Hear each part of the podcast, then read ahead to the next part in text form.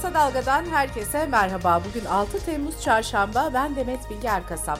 Gündemin öne çıkan gelişmelerinden derleyerek hazırladığımız Kısa Dalga Bülten başlıyor. Birleşik Arap Emirlikleri'nde bulunan Sedat Peker, Twitter'daki Deli Çavuş isimli hesap üzerinden paylaşımlar yapmaya devam ediyor. Peker bu kez Beşli Çete diye adlandırılan iş insanları arasında bulunan Mehmet Cengiz'le akraba olduğunu belirterek Türkiye'nin yakın tarihine ilişkin olaylarla ilgili iddialarda bulundu. Sedat Peker, eski başbakanlardan Mesut Yılmaz'ın kumarhane görüntüleri karşılığında cezaevinden tahliye edildiğini, kendisine 5 milyon dolar ödeme yapıldığını ve bu işin aracılığını da Mehmet Cengiz'in yaptığını ileri sürdü. Sedat Peker'in bu açıklamalarından sonra CHP lideri Kemal Kılıçdaroğlu Twitter hesabından bir paylaşım yaptı. Kılıçdaroğlu şunları yazdı. Beşli çeteyle aramı bulmaya yeltenen kim olursa olsun pişman olur, bu böyle biline. Şimdi varsa cesaretiniz gelin beni ikna edin ama haber yollamayı bırakın. Cengiz Holding'in sahibi Mehmet Cengiz, Mayıs ayında Ertuğrul Özkök ve Cengiz Semercioğlu'na yaptığı açıklamada kendisinden beşli çete diye söz eden Kılıçdaroğlu'nu işlerini yerinde görmeye çağırdığını ancak CHP liderinin gelmediğini söylemişti.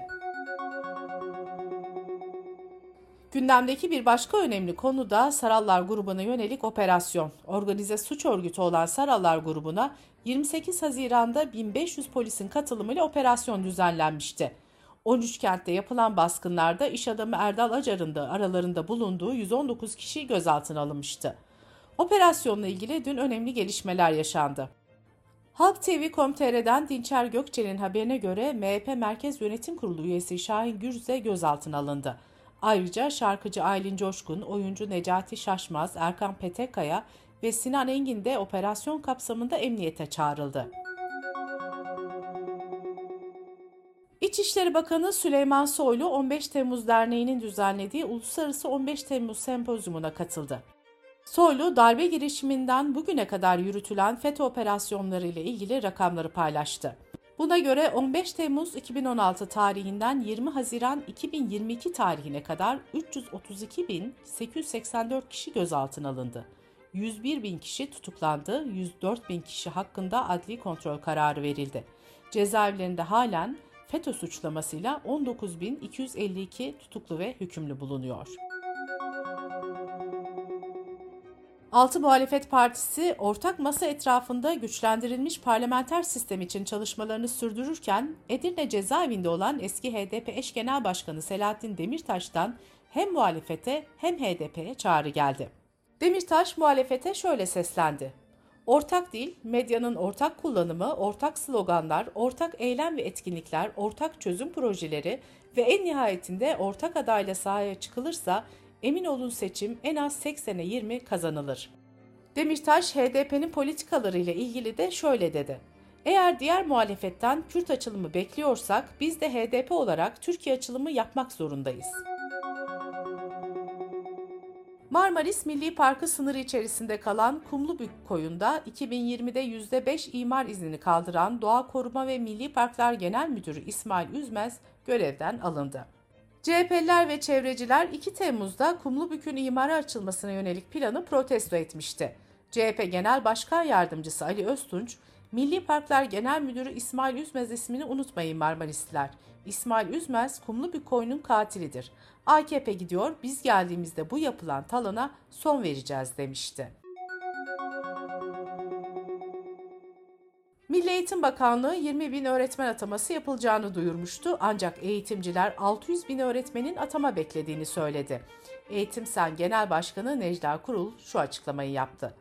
Sayıştay ataması yapılması gereken öğretmen sayısını 138 bin olarak belirlemişti. Milli Eğitim Bakanlığı da kendi yayınlarında 100 bine yakın öğretmene ihtiyaç olduğunu ifade ediyor.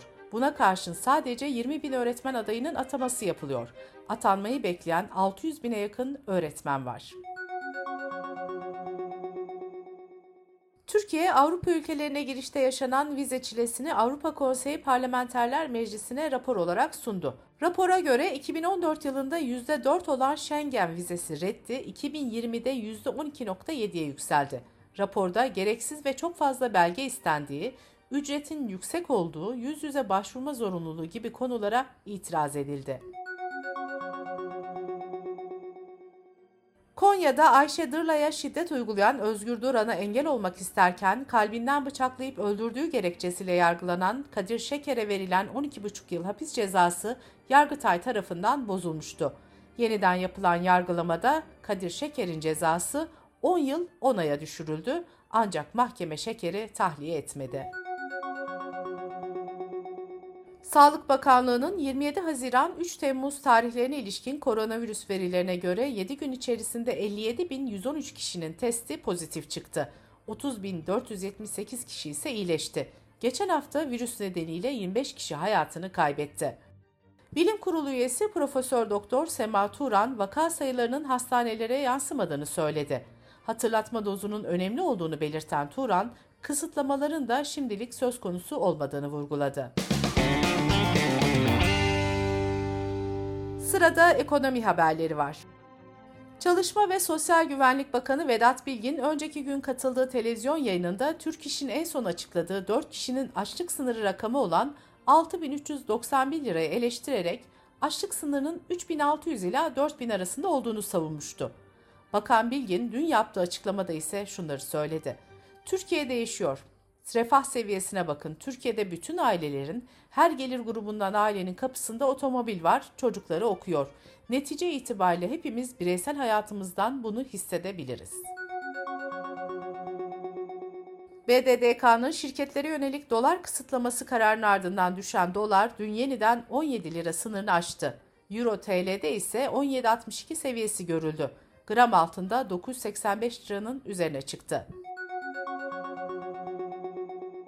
Bu arada Avrupa'nın ortak para birimi Euro, resesyon endişelerinin Avrupa Merkez Bankası'ndan faiz artış beklentilerini azaltmasıyla dolara karşı 20 yılın en düşük seviyesine geriledi. Türkiye İstatistik Kurumu enflasyonu %78.6, enflasyon araştırma grubu ise %175.5 olarak açıklamıştı. Bu fark önceki aylarda da tartışma konusu olmuştu. Metropol Araştırma Şirketi iki ayrı enflasyon oranı ile ilgili halkın ne düşündüğünü sordu. Ankete göre halkın %69'u ENAG'ın açıkladığı enflasyon oranına inandığını söyledi. TÜİK'e inananların oranı ise %23.9'da kaldı. Araştırmada AKP seçmeninin de %45.8'inin TÜİK'e değil ENAG'a inandığı ortaya çıktı. Çaykur 16 Mayıs'ta çaya ortalama %43.71 zam yapmıştı. Geçen haftada %2,5 zamlanan çaya dün de %9,5'luk bir zam daha geldi. Böylece çaya 2 aydan daha az bir sürede toplam %61.3 oranında zam yapılmış oldu. Sektör temsilcileri yeni zamların da gelebileceğini söyledi. Merkez Bankası %78.6 ile 24 yılın zirvesine çıkan Haziran enflasyonuna ilişkin değerlendirmesini yayımladı. Haziranda hizmet grubunda yıllık enflasyonun tüm alt gruplarda arttığı belirtildi. Enflasyondaki yükselişe en belirgin katkının enerji grubundan geldiği ifade edildi. JP Morgan, Türkiye'de enflasyona neden olan faktörlerde bir değişiklik olmadığını, bu nedenle fiyat dinamiklerinin kötüleşmeye devam ettiğini duyurdu. JP Morgan, 2022 yıl sonu enflasyon tahminini %49,5'dan %61,1'e yükseltti. Avustralya Merkez Bankası politika faizini 50 bas puan yükseltti. Banka böylece tarihinde ilk kez aralıksız iki toplantıda 50 bas puan faiz arttırmış oldu. Dış politika ve dünyadan gelişmelerle kısa dalga bültene devam ediyoruz. NATO, İsveç ve Finlandiya'nın Brüksel'de üyelik müzakerelerini tamamladığını duyurdu. NATO üyesi 30 ülkenin temsilcileri ise İsveç ve Finlandiya'nın katılım protokollerini dün imzaladı. Türkiye'nin teröre destek verdikleri gerekçesiyle iki ülkenin üyeliğini veto krizi NATO zirvesinde yapılan dörtlü zirveyle sona ermişti. NATO'ya üyelik protokollerinin imzalanmasının ardından konuşan İsveç Dışişleri Bakanı, Türkiye ile yaptıkları üçlü muhtıraya tümüyle uyacaklarını söyledi. 2022'nin hemen her haftasında kitlesel silahlı saldırılara sahne olan Amerika 4 Temmuz Bağımsızlık Günü'nde de saldırının hedefi oldu. Chicago kenti yakınlarındaki kutlamalara katılanlara yönelik bir silahlı saldırıda en az 6 kişinin vurularak öldürüldüğü belirtildi. Bir şüpheli gözaltına alındı. ABD Başkanı Joe Biden ise şoke olduğunu söyledi. Yunanistan bir yıllık aradan sonra tekrar büyük orman yangınlarıyla mücadele ediyor. Ülkenin 52 noktasında hemen hemen aynı saatlerde yangın başladı. Bazı noktalarda alevler yerleşim yerlerini tehdit eder hale geldi. Ülkenin itfaiye teşkilatı birçok bölgede yeni yangın çıkabileceği uyarısında bulundu. Son 70 yılın en ciddi kuraklığına sahne olan İtalya'da ise su seviyesinin azaldığı Po Nehri'nin çevresinde bulunan 5 bölgede olağanüstü hal ilan edildi. Söz konusu bölgeler İtalya'da tarım üretiminin yaklaşık %30'unu üstleniyor. İtalya'nın en uzun nehri olan Po yaklaşık 650 kilometre uzunluğunda ve ülkenin en zengin bölgesi olan kuzeyden geçiyor. Fakat nehrin çevresindeki birçok alanda su çekilmiş durumda. Çiftçilere göre nehir suyunun azalması nedeniyle deniz suyu iç bölgelere sızarak ekinlere de zarar veriyor. Cezayir, 132 yıllık Fransız sömürgeciliğinin ardından gelen bağımsızlığın 60. yıl dönümünü kutluyor. Cumhurbaşkanlığı kararnamesiyle ülkede binlerce mahkuma af kararı çıkarıldı. İlk kararname kapsamında 14.914 mahkumun cezaevinden çıkacağı belirtildi. Bültenimizi kısa dalgadan bir öneriyle bitiriyoruz. Sedat Peker'in tweetleriyle Türkbank skandalı yeniden gündemde. Gazeteci Ersan Atar, Türkbank'ın 1998'de ana sol D hükümetini düşüren, 2004'te de Yüce Divan kurduran hikayesini araştırdı. Ersan Atar, Türkbank'ın mafya lideri Alaaddin Çakıcı'nın karıştığı son ihale sürecini de bu ihaleyi iptal ettiren Fikri Sağlar'la konuştu. Ersan Atar'ın podcast'ini kısa dalga.net adresimizden ve podcast platformlarından dinleyebilirsiniz. Gözünüz kulağınız bizde olsun. Kısa Dalga Medya.